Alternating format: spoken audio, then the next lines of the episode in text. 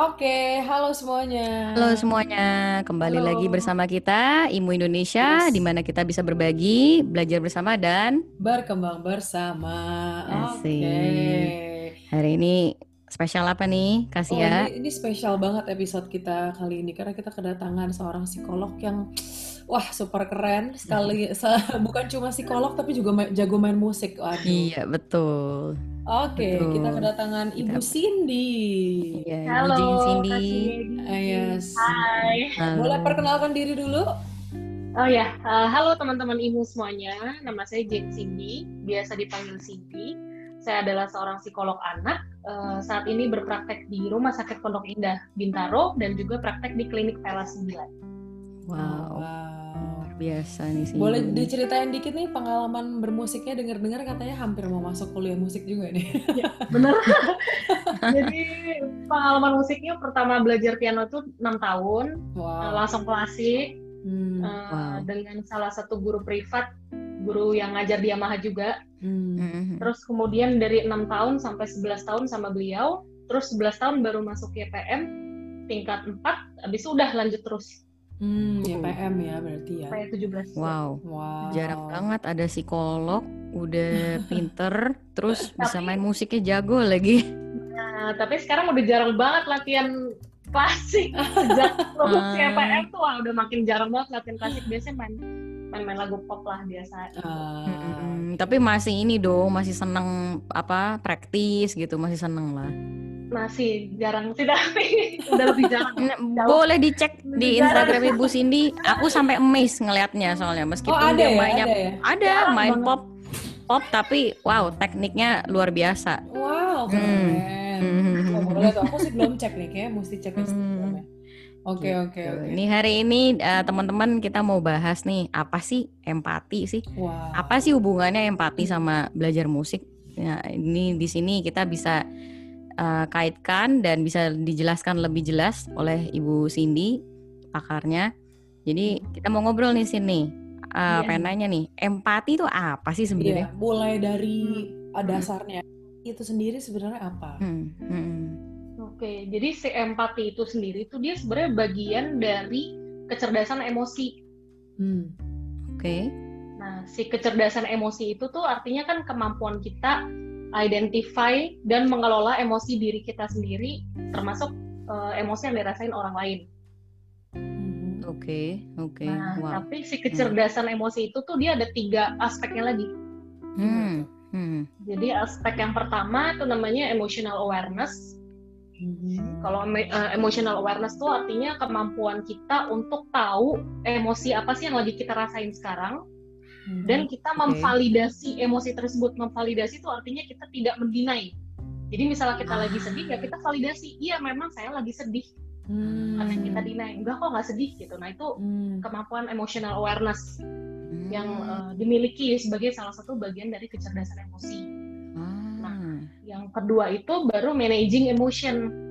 Mhm. Jadi kita tahu kita sedih, kita validasi kita sedih. Lalu nah sekarang gimana nih caranya mengelola emosi sedih kita itu? Oh, oke. Si oke. copingnya, Hmm. coping eh, emosinya itu gimana seperti itu. Ah, oke, Nah, setelah itu baru yang terakhir yang lebih tinggi lagi yaitu kemampuan empati. Ah. Oh, Empati oke. itu adalah kemampuan untuk kita mengidentifikasi dan memahami emosi yang dirasain oleh orang lain. Orang lain. Uh. Jadi Oke. istilahnya si empathy ini kayak semacam udah level paling tingginya gitu ya. Hmm, Jadi kita istilahnya start dari we uh, kita kenali emosi diri sendiri dulu dengan Hmm, kita benar. bisa memanage emosi Betul. kita baru bisa kita bisa berempati dengan Ya. baik ke orang Ya, lain begitu ya. Ya betul seperti itu. Ah, menarik menarik. Benar. Aku pikir aku pikir selama ini aku pikir itu Iya. sama yang kayak terpisah gitu loh. Hmm. Hmm, hmm, hmm, hmm, Dia hmm, part hmm, dari hmm. si kecerdasan emosi sebenarnya. Oh, Hmm. jadi si kecerdasan emosi itu kalau lengkap tuh bisa tiga-tiganya itu semuanya berkembang dengan baik begitu Iya. ya. Hmm, Ya, hmm, benar. hmm, hmm. Tapi empati gitu sebenarnya sesuatu yang diajarin atau memang tumbuh dengan sendirinya? Hmm, benar-benar. Harus diajarin atau gimana tuh, Sin?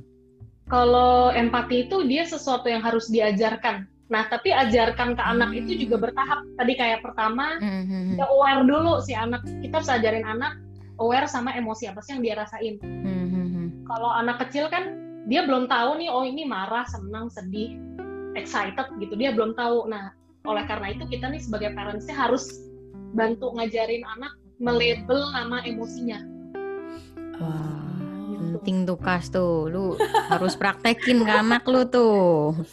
Heeh, heeh. Soalnya apalagi orang zaman bahla ya. Apalagi nih curcol dikit nih temen-temen nih. Boleh, Kalau boleh, aku boleh, dulu nih boleh boleh apa kalau nangis gitu kan apa orang tua yang ada stop nggak boleh nangis ya Hmm, kalau nangis iya, lagi ya, iya, iya. ya kan diem kalau nggak di apa satu dua tiga disentil gitu kan Hmm. Hmm. Heeh. itu nggak baik ya sebenarnya cara Iya, seperti bener, itu ya bener. Sebenarnya di Hmm. zaman sekarang di beberapa klien masih ada tuh yang seperti itu parentsnya jadi bilangnya anak cowok nggak boleh nangis karena kamu Oh. tough. Gitu. Padahal itu sebenarnya cara yang salah. Jadi ketika anak nangis ya itu the way dia ekspresiin ini loh emosi yang aku rasain. Hmm, hmm, hmm. Ketika Hmm. di cut sama orang tua dibilang nggak boleh nangis, artinya kan orang tua jadi kayak bottle up emotionnya si anak gitu. Keluarin malah ditekan kan nggak boleh nangis, nggak boleh sedih gitu. Kayak Wah. kan eh, anakku nih, anakku nih kan sekarang lima tahun ya, udah lima tahun. Jadi kayak untuk harus se-early, se-early apakah? Maksudnya kayak untuk yang tadi kamu bilang untuk mengenal emosi, memberi nama emosi itu berarti mulai dari kapan baiknya mulai? Apakah mulai dari dari lahir atau kayak dari ketika dia sudah bisa berbicara atau gimana? Baiknya mulai dari kapan? Mulai kayak yang tadi kamu, kamu bilang label, name of emotions gitu-gitu. Sebenarnya sih kalau dari se-early mungkin nggak masalah. Cuma kalau se-early mungkin berarti targetnya sebenarnya lebih kepada kita stimulasi vocabulary si anak.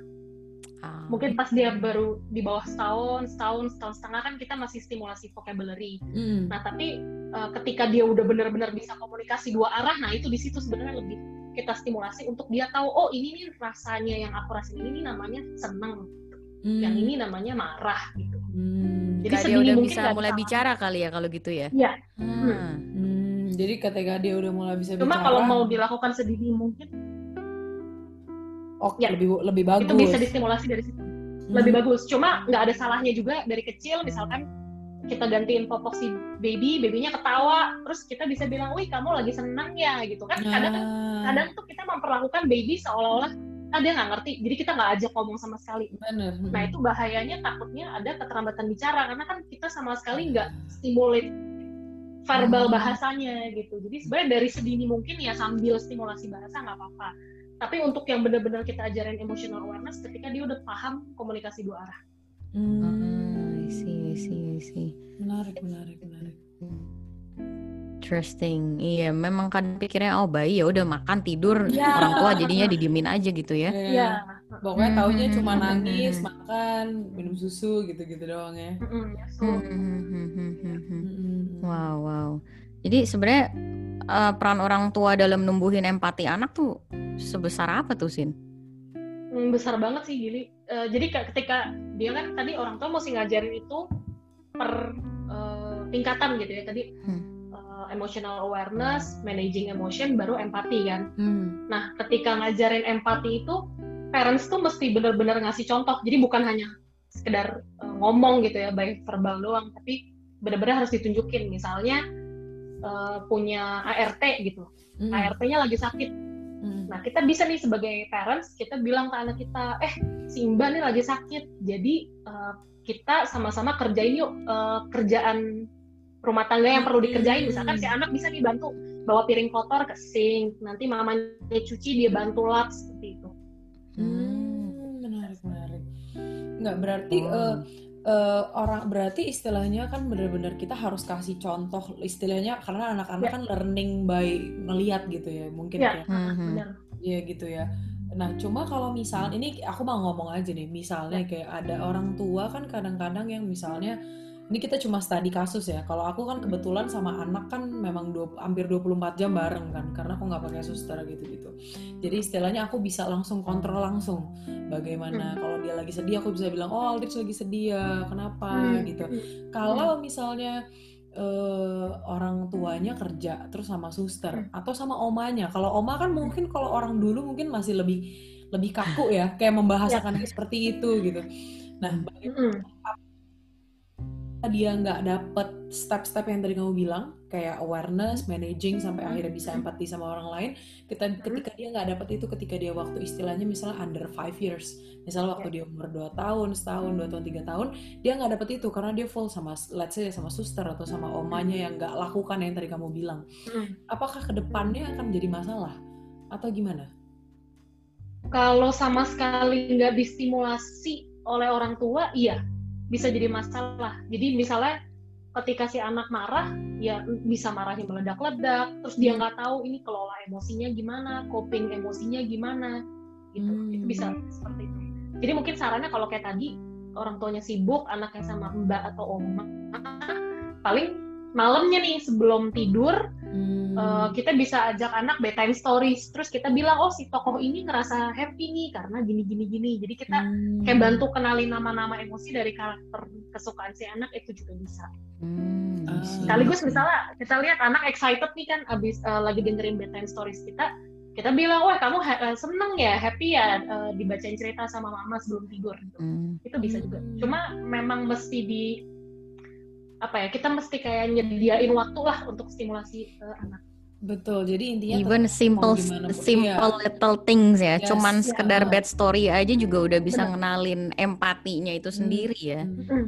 Wow, this is interesting. Mm, jadi intinya Kalau- benar-benar mau gimana pun Mhm. tetap harus ada waktu khusus yang kita mengenalkan gitu ya. Gitu. Hmm. Kalau empati tadi kan bisa dari cerita kan tadi kita bahas dulu sih tokoh ini perasaannya apa sih, emosinya apa. Hmm. Terus kita bisa bilang kalau kamu jadi si tokoh ini rasanya apa ya gitu. Nah itu kan kita Hmm. mengandai-andaikan dia ada di posisi, tokoh itu. Ah itu kayak termasuk salah satu Hmm. cara belajar empati sih.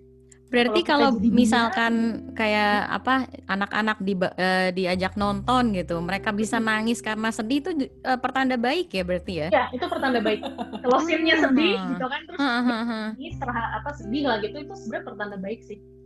Hmm. kayak bener-bener bisa apa ya connect with the emotion yang ditampilkan di film tersebut. Hmm. Hmm, hmm, hmm, hmm. I see, I see. Boleh nggak, Sin, apa eh, sharing sedikit beberapa cara gitu buat orang tua gitu sebenarnya numbuhin empati pakai cara apa aja sih gitu?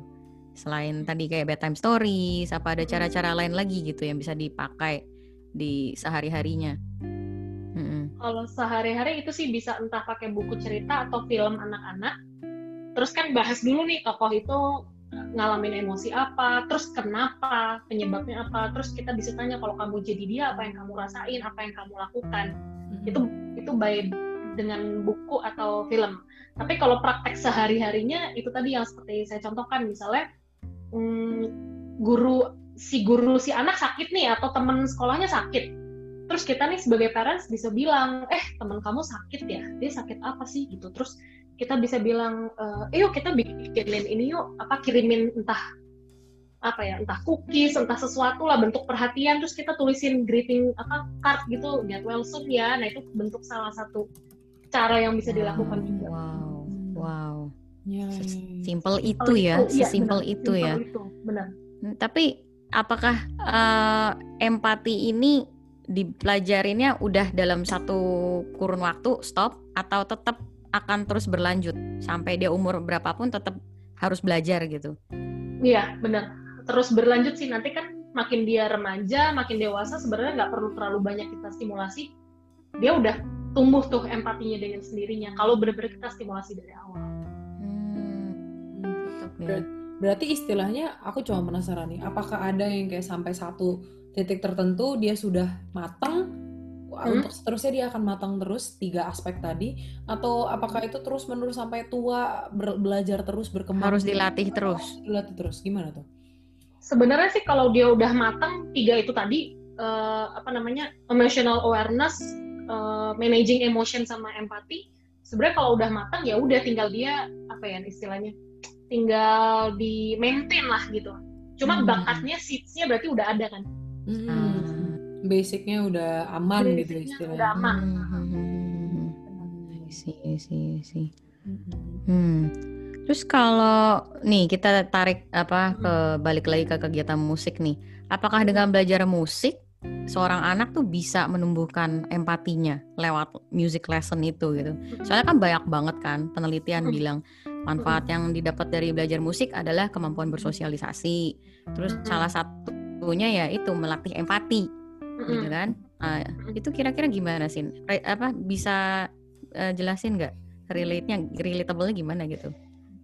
Mungkin kalau belajar musik kan uh, merelate dengan kecerdasan emosi itu ketika kita bahas sama si murid tentang interpretasi lagu kan ada tuh dinamikanya terus ini loh lagunya ini tentang apa sih gitu jadi bukan hanya sekedar kita main note penjarian bener tapi kita hmm. bahas eh ini, ini lagu tentang apa sih gitu misalkan kalau lagu anak-anak kan ada tuh yang oh tentang dia ceritanya berlibur nih atau ceritanya lagi naik kereta gitu kan hmm. nah, terus kita bahas rasanya apa ya kalau lagi berlibur rasanya apa ya kalau lagi naik kereta gitu Nah, berarti kita bahas tuh emosi yang dirasain di lagu ini nih apa gitu. Mm-hmm. Termasuk misalnya kan ada mungkin ada part yang dinamikanya main lah lebih crescendo decrescendo. Nah, kita bisa mm-hmm. bilang tuh misalnya oh di sini nih ceritanya keretanya lagi oh atau naik busnya lagi menanjak terus di sini busnya lagi menurun gitu. Nah, hmm. terus kan berarti dia masih membayangkan dia kalau di keadaan seperti itu tuh rasanya apa.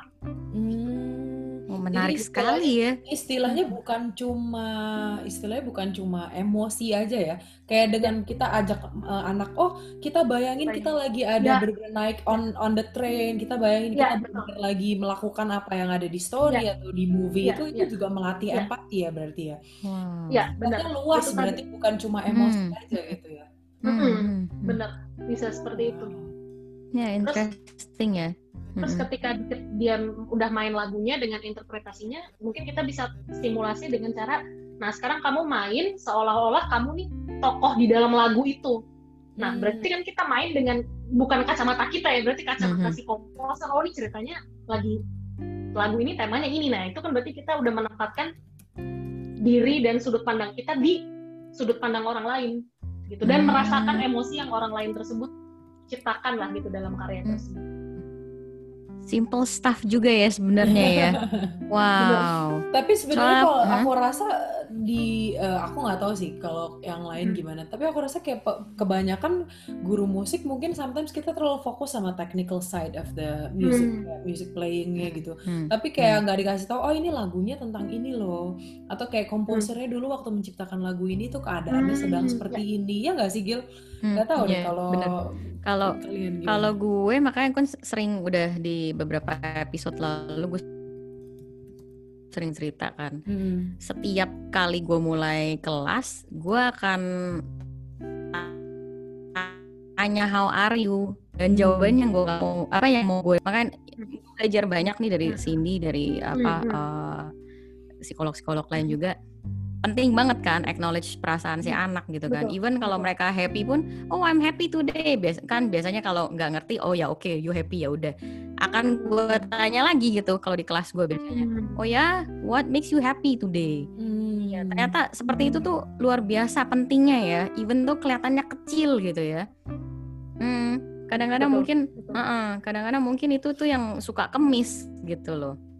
Mm -mm dan hmm. mungkin sharing pengalaman juga dulu pas aku hmm. jadi murid gitu ya belajar piano benar seperti yang Keisha bilang bahwa hmm. ada beberapa guru yang lebih teknikal pokoknya hmm. ini ya crescendo kamu mainin aja dinamikanya gitu tapi nggak dijelasin ngajarin ini lagunya tentang apa sih gitu jadi cuma sekedar simply ngikutin ya, apa tanda-tanda itu direction ah, ya, ya, hmm. ya gitu cuma ada guru aku yang kayak gitu eh ini lagunya tentang apa ya oh tentang ini nih Nah terus berarti rasanya jadi si komposer itu gimana nih pas Bener. nyiptain lagu ini gitu. Mm -hmm. Sehingga wow. itu lebih masuk sih kalau kita mau main dengan wow. apa ya? Jadi nice. Hmm, teman-teman imu bisa ini ya, bisa diikutin juga ya lain kali Betul, ya. Maksudnya pengajar Wow, ternyata sesimpel itu aja bisa, ha sesimpel itu aja juga udah membantu anak untuk mengeris empatinya mereka. hmm Ini apalagi dipesan oleh uh, seorang psikolog yang kece ya. Dan penting juga ya kayaknya sekarang Gili, Keisha di zaman sekarang empati gitu. Soalnya kalau kita dengar-dengar isu sosial kan kayaknya lebih banyak sekarang yang kayaknya maunya seragam gitu. Nah itu penting loh sebenarnya hmm. empati itu dengan perbedaan dengan apa yang orang lain rasain tuh nggak tentu sama sama yang kita rasain. Ah iya iya. Ya, mengajarkan bener. perbedaan gitu Lebih juga. kayak ya, menghargai bener. perbedaan ya. Bener. bener. Hmm, menghargai perbedaan itu It- susah sih. Itu juga bagian Susah dari sih. empathy ya berarti ya. Maksudnya bagian Iya, bahwa benar. uh, meng- mem- meng-acknowledge bahwa oh apa yang dia rasakan berbeda dari apa yang saya rasakan itu Iya. juga empathy berarti ya. Iya, iya. Oh, nice. Ya, ya, Sama kita bisa bayangin, oh kalau jadi dia nih di situasi ini, dia mengalami kejadian ini, kita tahu ya memang dia sesedih itu. Jadi bukan Hmm. kita main asal cap, ah dia lebay ya reaksinya. Oh ya ya ya. ya. Padahal ya emang dia sesedih itu kalau jadi dia di situasi Hmm, tersebut. Mm, mm, mm. Wow, Ya ya ya ya ya. wow. Kita sampai speechless. Iya, kayak kayak kayak cara pikir kita selama ini berarti gimana gitu berarti. Banyak yang mesti dikaji ulang. Betul, Maksudnya, betul. wow, insightful banget ini. Mm, Memang mm, sesimpel mm. itu ternyata, tapi efeknya luar biasa ya. Benar. Hmm, hmm, hmm, hmm. Kalau dari kegiatan bermusik yang seperti kayak kalau misalnya kayak anak-anak kan sekarang banyak tuh kayak kelas in groups yang kayak oh, umur dari empat tahun udah bisa tuh biasanya kan yang kayak in groups yang kayak pakai mm, uh, lagu-lagu dan gerakan kayak gitu-gitu mela- uh, dengan apa biar kayak mereka juga ada koordinasi motorik kasar atau Ya, halus gitu-gitu ya. Apakah itu membantu? Apakah kelas-kelas seperti itu membantu empati perkembangan emotional awareness anak?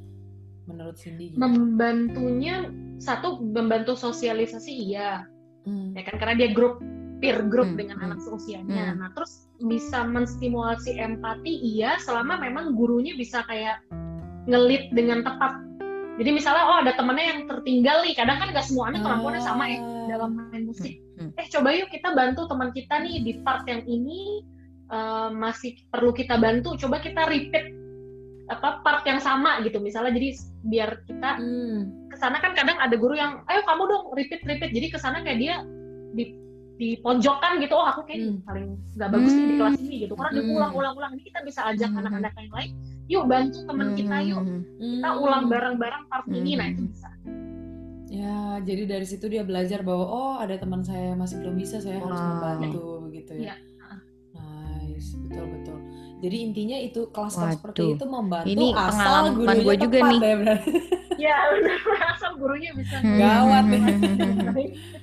Hmm. Pengalaman Jadi, gimana? berarti model-model guru nih yang pernah gue dapet nih. Heeh. Hmm. Dulu tuh pernah tuh, gue kalau ada satu kelas pas di junior high itu, Inggris gue dulu pokoknya jelek banget deh. Hmm. Lah, itu terus ada apa? eh, ada yang jago di kelas. Pokoknya gara karena gue nggak pinter gitu, sampai dipermalukan gitu di dalam kelas. Hmm. Hmm. Mm. Mm, Itu itu memang bikin jadi traumatik sih. Iya, Iya, iya. benar, Cuma benar, maksudnya, benar. mm-mm, bikin traumatik sih jadinya. Wah si guru tuh sampai mojok-mojokin, ngetawain malah sampai dihukum gitu kalau nggak bisa, Waduh. kalau nggak bisa gitu. Mm-mm. Tapi ya balik lagi ya mungkin guru zaman bahela ya, jadi pengertiannya masih begitu. Iya sih. Uh-uh. Mm. Ya, makin ke sini orang makin Mm-mm. concern ya sama kayak eh, ke- kesehatan mental dan emosional. Kayaknya orang makin makin concern ya dibanding dulu kayaknya. Jadi ada bagu ada baiknya ya. benar banget Aduh. Nah, itu menarik yang tadi kamu bilang soal kayak kalau guru asal gurunya bisa mel- melit mereka dengan baik gitu. Nah, kalau misalnya Jadi- ini berarti aku mesti aku mesti cross check ke diri aku gitu kan. Sebagai guru. Gimana sih supaya kita bisa tetap uh, acknowledge emosi anak murid kita, kita bisa nge-guide mereka secara emosional supaya mereka punya kecerdasan emosi yang baik. Tips-tips Cindy buat guru nih seperti kita nih apa? Ah, kalau untuk menghadapi yang misalnya anak kecil, menghadapi anak yang middle middle childhood kan beda-beda pasti kan. Terus menghadapi anak-anak yang lagi umurnya lagi puber atau bahkan menghadapi orang yang memang sudah dewasa. Itu gimana? Sebagai guru kita bersikapnya seperti harus seperti apa sih? Nah, kalau kita sebagai guru mau mengajarkan itu tadi emotion awareness kepada murid dan juga empati, nah sebaiknya kita sendiri pun mengelola emosi kita dulu gitu. Nah, Jadi Ah, apa yang jadi kita harus bisa itu tadi emotional awareness ke diri kita sendiri. betul. Terus kalau kita ada emosi tertentu, nah kita bisa manage atau kita coping. Oh caranya gimana sih gitu untuk Hmm. menghandle atau mengelola emosi tersebut gitu sih. Hmm, Sama jadi kitanya ibaratnya harus bisa bedain masalah pribadi sama masalah profesional harus dibedain ya. Kadang kan ada yang gitu kan, maksudnya lagi lebay, lagi sedih atau apa gitu dibawa-bawa ke muridnya, muridnya yang kena gitu kan kasihan. Jadi muridnya yang dimarah-marahin. Iya benar, mesti seperti itu sih. Oke. Penting. Nah, kalau untuk yang kalau untuk yang Hmm. anak kecil kan tadi seperti kamu bilang name emotion. Nah, kalau misalnya kita ketemu murid yang sudah middle childhood, udah terlanjur tuh marahnya meledak-ledak. Kalau kita ajak ngomong dia nggak mau Hmm. jawab.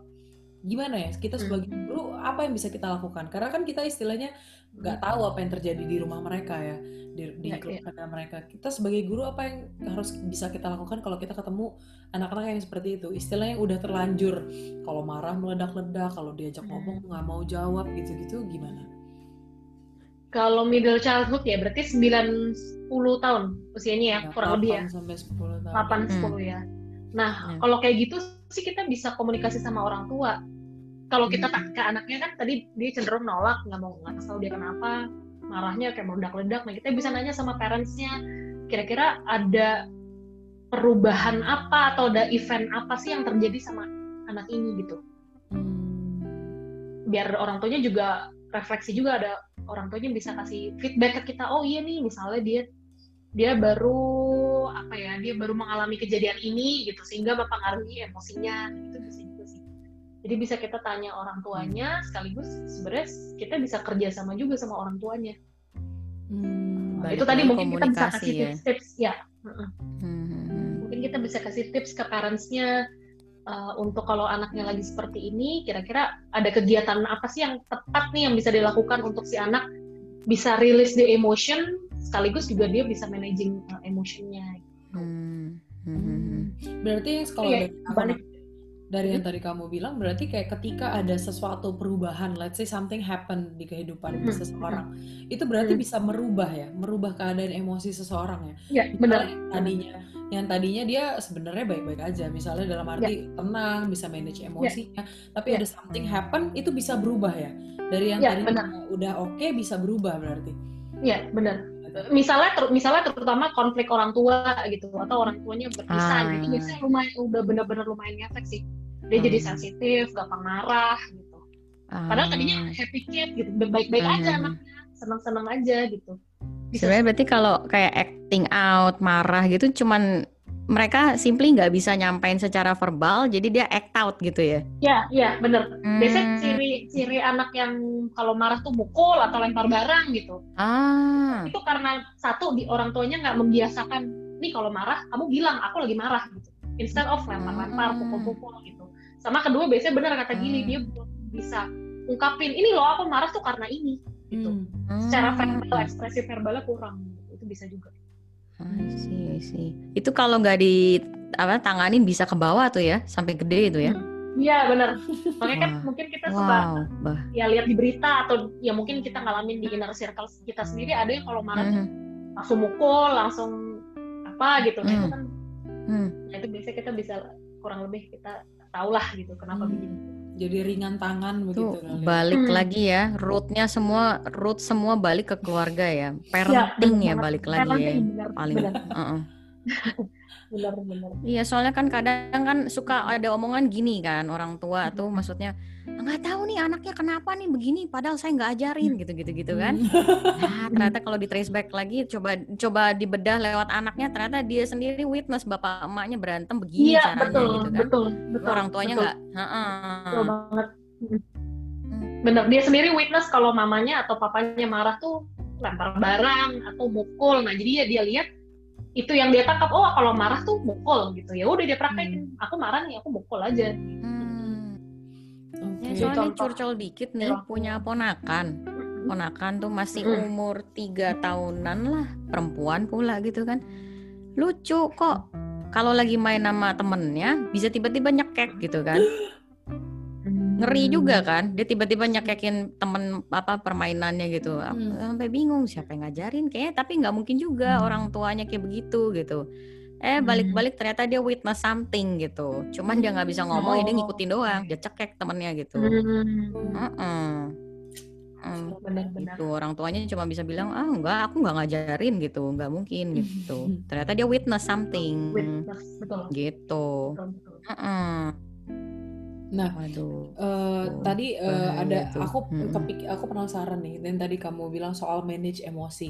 Oke, kalau yang kayak untuk name uh, awareness, emotional awareness kan kita bisa kasih tahu, oh kamu lagi seneng ya, oh, kamu Ya. lagi ini.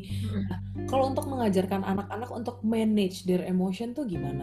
Gimana sih? Maksudnya ya sometimes sampai sekarang anakku, aku sih udah mulai udah mulai belajar kan kayak uh, oh Aldrich lagi seneng, oh Aldrich lagi sedih ya kenapa sedih? Ya nggak apa-apa kamu kesel gitu-gitu. Tapi keselnya jangan pukul mami ya gitu. Keselnya kasih tahu mami kenapa kamu kesel. Itu aku udah mulai ajarin. Tapi kan namanya anak-anak kan biasanya aku mau tanya sih biasanya berapa lama sih prosesnya sampai dia bisa bener-bener oke aku harus ngomong gitu soalnya sometimes aku tetap kayak merasa kesulitan kok kayaknya tetap aja ya ini anak kok kayaknya tetap act out gitu gimana sih gitu ada tips-tips nggak untuk ajarin anak-anak manage their emotion gitu Mm. Jadi mungkin eh, ceritanya misalnya konsultasi. anaknya, pasti banyak yang mau misalnya tahu anaknya ya. marah nih, Hmm. anaknya marah kan. Heeh, heeh. Jadi misalnya anaknya marah, hmm. Terus kita samperin nih sebagai parents, kita misalnya dia dia mungkin dia belum belum tahap yang ngomong, mama aku marah gitu, mungkin dia belum tahap itu. Nah, kita samperin sambil mungkin kita bisa tuh tenangin entah kita usap pundaknya, usap punggungnya, kita sebut namanya misalnya "Eh, kamu marah ya, lagi marah karena terus kita tahu nih penyebabnya marah karena rebutan mainan lah sama adiknya gitu. Kita bilang kamu marah ya karena eh, rebutan mainan gitu sama si adik kamu gitu seperti itu. Terus dia bilang iya misal dia bilang kan biasanya iya aku marah karena gini gini gini. Nah terus kita bilang yuk kita tenangin diri dulu gitu. Nah kita ajak si anak kita nih ke tempat yang aman dan nyaman. Pokoknya kita pastikan lingkungannya itu tuh nggak membahayakan dia Hmm. boleh di kamar dia atau di ruang tamu ya di mana pun kita pilih. Nah setelah itu tuh kita jangan tinggalin si anak karena kan ada beberapa orang tua yang ya udah kamu nangis dulu deh sana terus kita tinggalin. Nah itu sebaiknya Hmm. Eh, Oh. jangan seperti itu. Hmm. Justru kita dampingin dia nih di eh, di pengalaman emosi dia yang kurang baik. Nah kita temenin dia nih sambil dia marah. Terus kita sambil boleh nih boleh diusap eh, punggungnya atau kita peluk. Tetapi misalkan ada beberapa anak yang kalau marah kan nggak mau dipeluk. Iya. Nah itu nggak apa-apa kita jaga jarak tapi kita di ruangan yang sama sambil kita bilang ke dia nanti kalau kamu sudah reda marahnya kapan pun kamu siap kamu minta mama peluk mama pasti peluk gitu. Nah itu benar-benar harus kita praktekin. Oh. sampai dia udah reda dia dia bilang oke ma aku mau peluk. Nah itu boleh kita peluk. Sambil kita ajak juga yuk kita tenang diri. Caranya macam-macam nih bisa kita hmm, apa tuh yang paling simpel relaksasi pernafasan. Yuk tarik nafas 4 detik Hmm. tahan buang lagi 4 detik. Ya seperti itu. Itu bisa. Dan Hmm. Emosinya. Atau ya kalau misalkan kita mau putar-putar musik juga boleh sih kan ada tuh di Spotify banyak ya musik-musik yang relaxing. Nah itu bisa tuh uh, bantu dia uh, nenangin mood uh, emosinya. Hmm, nice. Jadi kita sebagai orang tua Luar yang benar-benar mendampingi ya. Ya, Dari benar. tadi itu itu bagus banget yang tadi kamu bilang orang tua harus mendampingi di masa-masa emosi mereka yang lagi buruk gitu ya. Wow. Benar, benar. Mm-mm. Supaya si anaknya tahu bahwa orang tuanya ini nih ada buat dia di segala situasi. Aku lagi senang, orang tua ada. Hmm. Aku lagi marah, sedih, Hmm. orang tua ada gitu. Karena kan kadang Hmm. kalau kita cuma ada pas dia lagi senang, tapi begitu dia marah, nangis, ngamuk, kita tinggalin udah sana kamu sana dulu deh sampai tenang baru mama datang. Nah itu kan ke sana kayak bersyarat ya. Iya, iya. Mama datang dampingin kamu kalau kamu nice jadi jadi nice boy, nice girl yang happy gitu. Sedangkan kan Ah. nggak bisa gitu terus kan. Pasti ada masa kita Hmm, sedih, hmm. ada masa kita marah. Hmm. Hmm.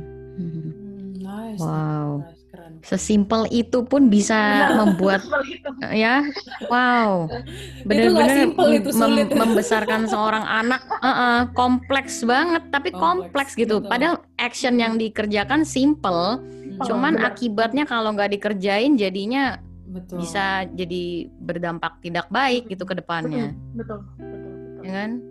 Waduh ini juga pernah berarti kalau misalkan sampai anak nggak diajarin empati gitu sin Hmm. dampak negatifnya apa terus soalnya sering dengar kayak gini sin anak kalau yang ada ADHD ya attention Hmm. deficit hyperactive disorder gitu Hmm. kata, kat- aku udah sering beberapa kali dengar kalau nggak terdiagnosa dan kalau nggak ditanganin itu bisa jadi psikopati Hmm. apa korelasinya apa gitu bisa tolong dijelasin Oke, Jadi kalau ADHD itu kan attention deficit hyperactive disorder tuh dia ada impulsifnya. Hmm. Impulsif tuh maksudnya kalau anak mau ada dorongan sesuatu dalam dirinya dia lakuin aja. Misalnya impulsifnya tuh dia mau lihat handphone yang lagi dipegang temennya ya udah ambil aja langsung tanpa kan harusnya kita nanya dulu boleh nggak ya aku lihat Hmm. seperti itu kan Hmm. Ya pokoknya dia punya dorongan apa dia langsung lakuin saat itu juga gitu nah Hmm. kalau tidak tertangani dengan baik si impulsifnya kan menetap terus nih di diri anak Hmm. nah itu sih sebenarnya nggak langsung nggak yang jadi psikopat sih tapi lebih kepada yang gangguan oposisi oppositional deviant disorder nah itu ada tuh nama gangguannya apa tuh jadi kayak lebih anaknya itu mengabaikan rules mengabaikan norma gitu Hmm. jadi ya kalau aku mau di kelas nih lagi jam belajar mengajar aku mau makan ya makan aja sebenarnya ada rules kan di kelas nggak boleh Hmm. makan nah dia mengabaikan rules itu ya karena aku mau makan sekarang ya aku makan gitu. bodoh Nah, itu amat gitu kebawa- ya. Iya bener, ke bawah si sifat impulsifnya itu. Nah si ODD ini di anak-anak kalau nggak ditangani lagi ya berkembang lagi jadi yang namanya conduct disorder.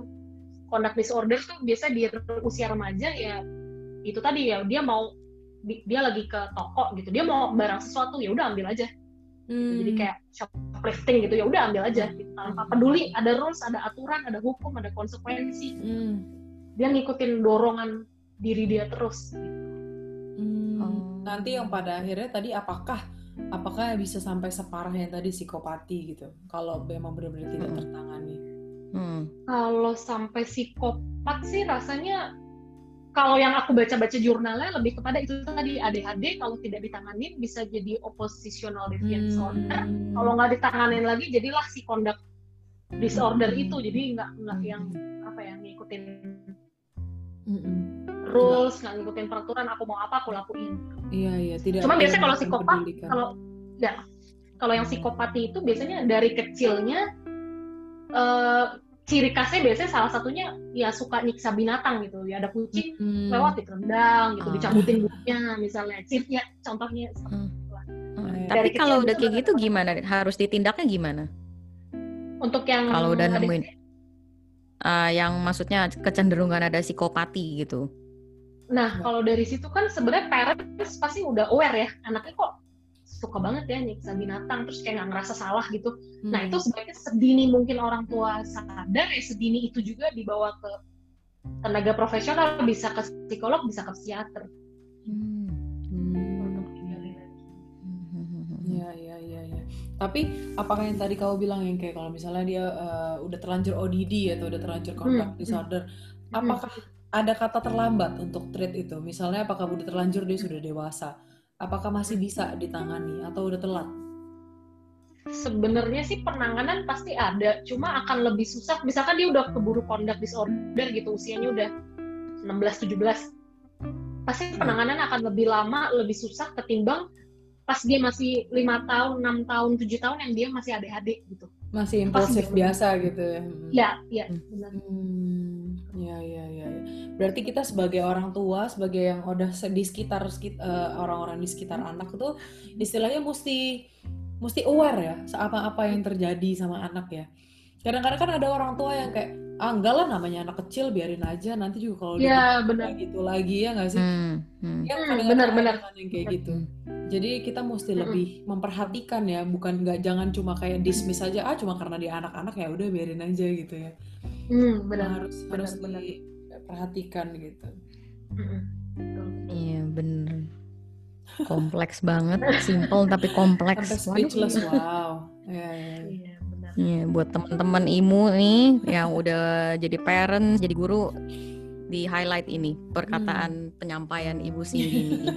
harus bener-bener mindful banget ya, bener-bener harus perhatiin banget ya apa pun yang anak-anak itu rasain, apa pun yang anak-anak itu apa eh, kerjakan gitu harus diperhatikan. Waduh. Iya, betul.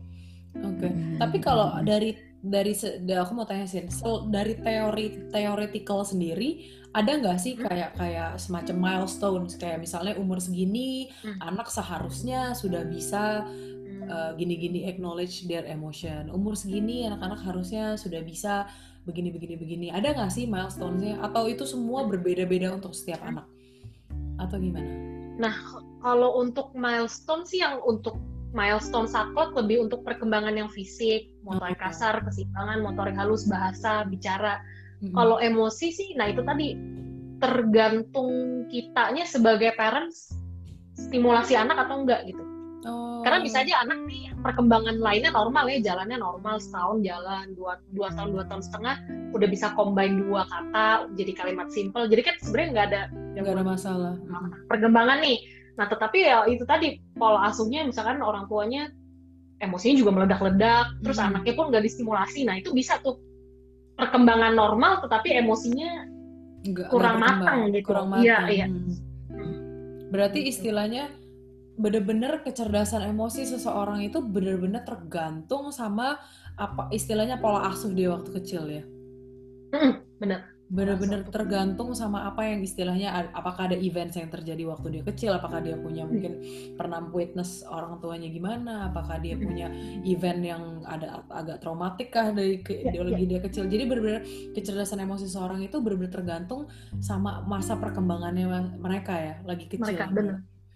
Sama dipengaruhi sama emosi orang tua biasanya karena mungkin kalau kita refleksi sekarang gitu ya aku juga berasa sih gitu jadi dulu misalnya kalau dari pola asuh orang tua aku mama aku tuh lebih emosinya lebih ekspresif lah gitu kalau marah nah itu Hmm. aku merasa bahwa sekarang ya ya aku jadi mirip mamaku ya gitu kalau marah modelnya sama gitu Hmm. sebenarnya di setiap orang pasti ada kan apalagi kalau salah satu kita deket sama salah satu figur orang tua Hmm. biasanya kalau kita refleksiin iya ya cara mama saya marah kurang lebih mirip lah sama saya sama cara saya marah gitu ya. hmm, hmm. pengaruh banget gitu peran parents sama itu tadi sih untuk yang emosi biasanya kalau anak-anak yang ada keterlambatan perkembangan bicara kalau marah ya itu tadi yang seperti gini bilang marahnya itu bentuknya acting out dari perilaku gitu Hmm. karena dia nggak bisa verbally Ya. ngomong apa sih gitu Hmm. Bener-bener ya itu yang apa Bruce Lipton bilang tujuh tahun awal tuh programming anak-anak datangnya dari orang tua tuh. Mm-mm. Wow, ini sih bener-bener loh.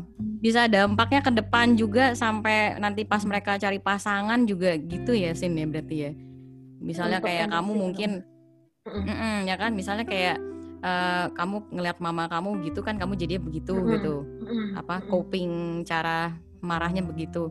Terus mungkin sering sering denger kan maksudnya kayak yang eh, anak-anak yang kalau kena verbal abuse atau physical abuse gitu waktu kecilnya ke depan pas cari pasangan yang begitu juga lagi gitu. Mm-mm. Hmm, karena dia Oh, merasa iya, itu iya. wajar gitu ya. ya ya misalnya papanya abusive gitu ya abusive ke mamanya kemudian dia cari pasangan yang kurang lebih ya Mm. bisa bisa seperti itu sih bisa Mm. cuma ya nggak semua yang dulunya jadi korban abusive akan cari pasangan abusive juga tergantung dia mempersepsiinnya gimana nih gitu kalau dia persepsinya oh menurut mama saya wajar kok bentuk sayangnya papa ya mukul ya marah Aduh. ya posesif ya udah ya dia akan menginterpretasi ya udah cinta tuh ya seperti ini gitu Mm-mm. Ah, Jadi itu semua balik lagi ke eh, pengertian dan perspektifnya Ya, si orang ya, tua yang ya. disampaikan ke mu- anaknya ya. nah betul Hmm.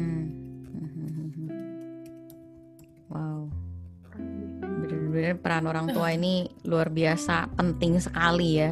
Mm, bener banget Betul. Hmm. Ya inilah. Itu ya teman-teman imu, ibu Kasia ya gitu. Makanya udah punya anak satu aja deh. Jadi curhat. Aduh, Hmm. begitu.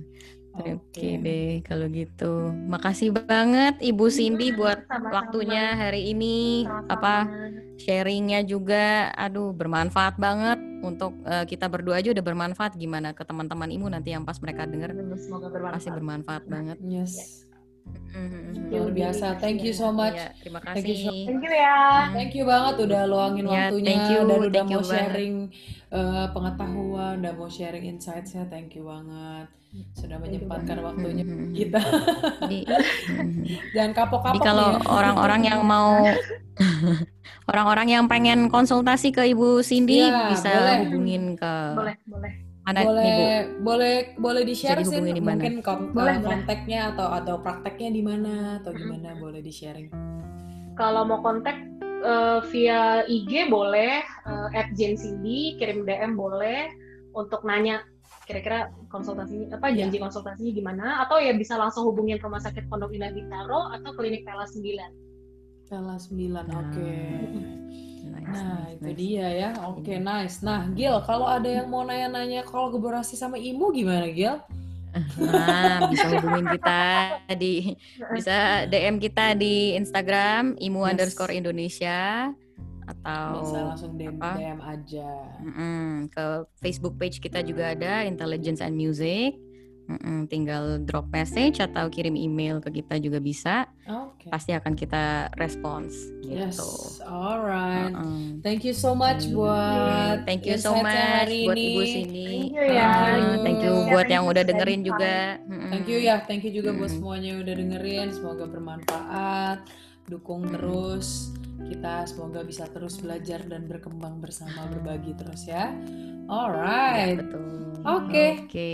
thank you semuanya. Sampai ketemu lagi. Sampai ketemu Bye. lagi. Bye bye. Yo, bye.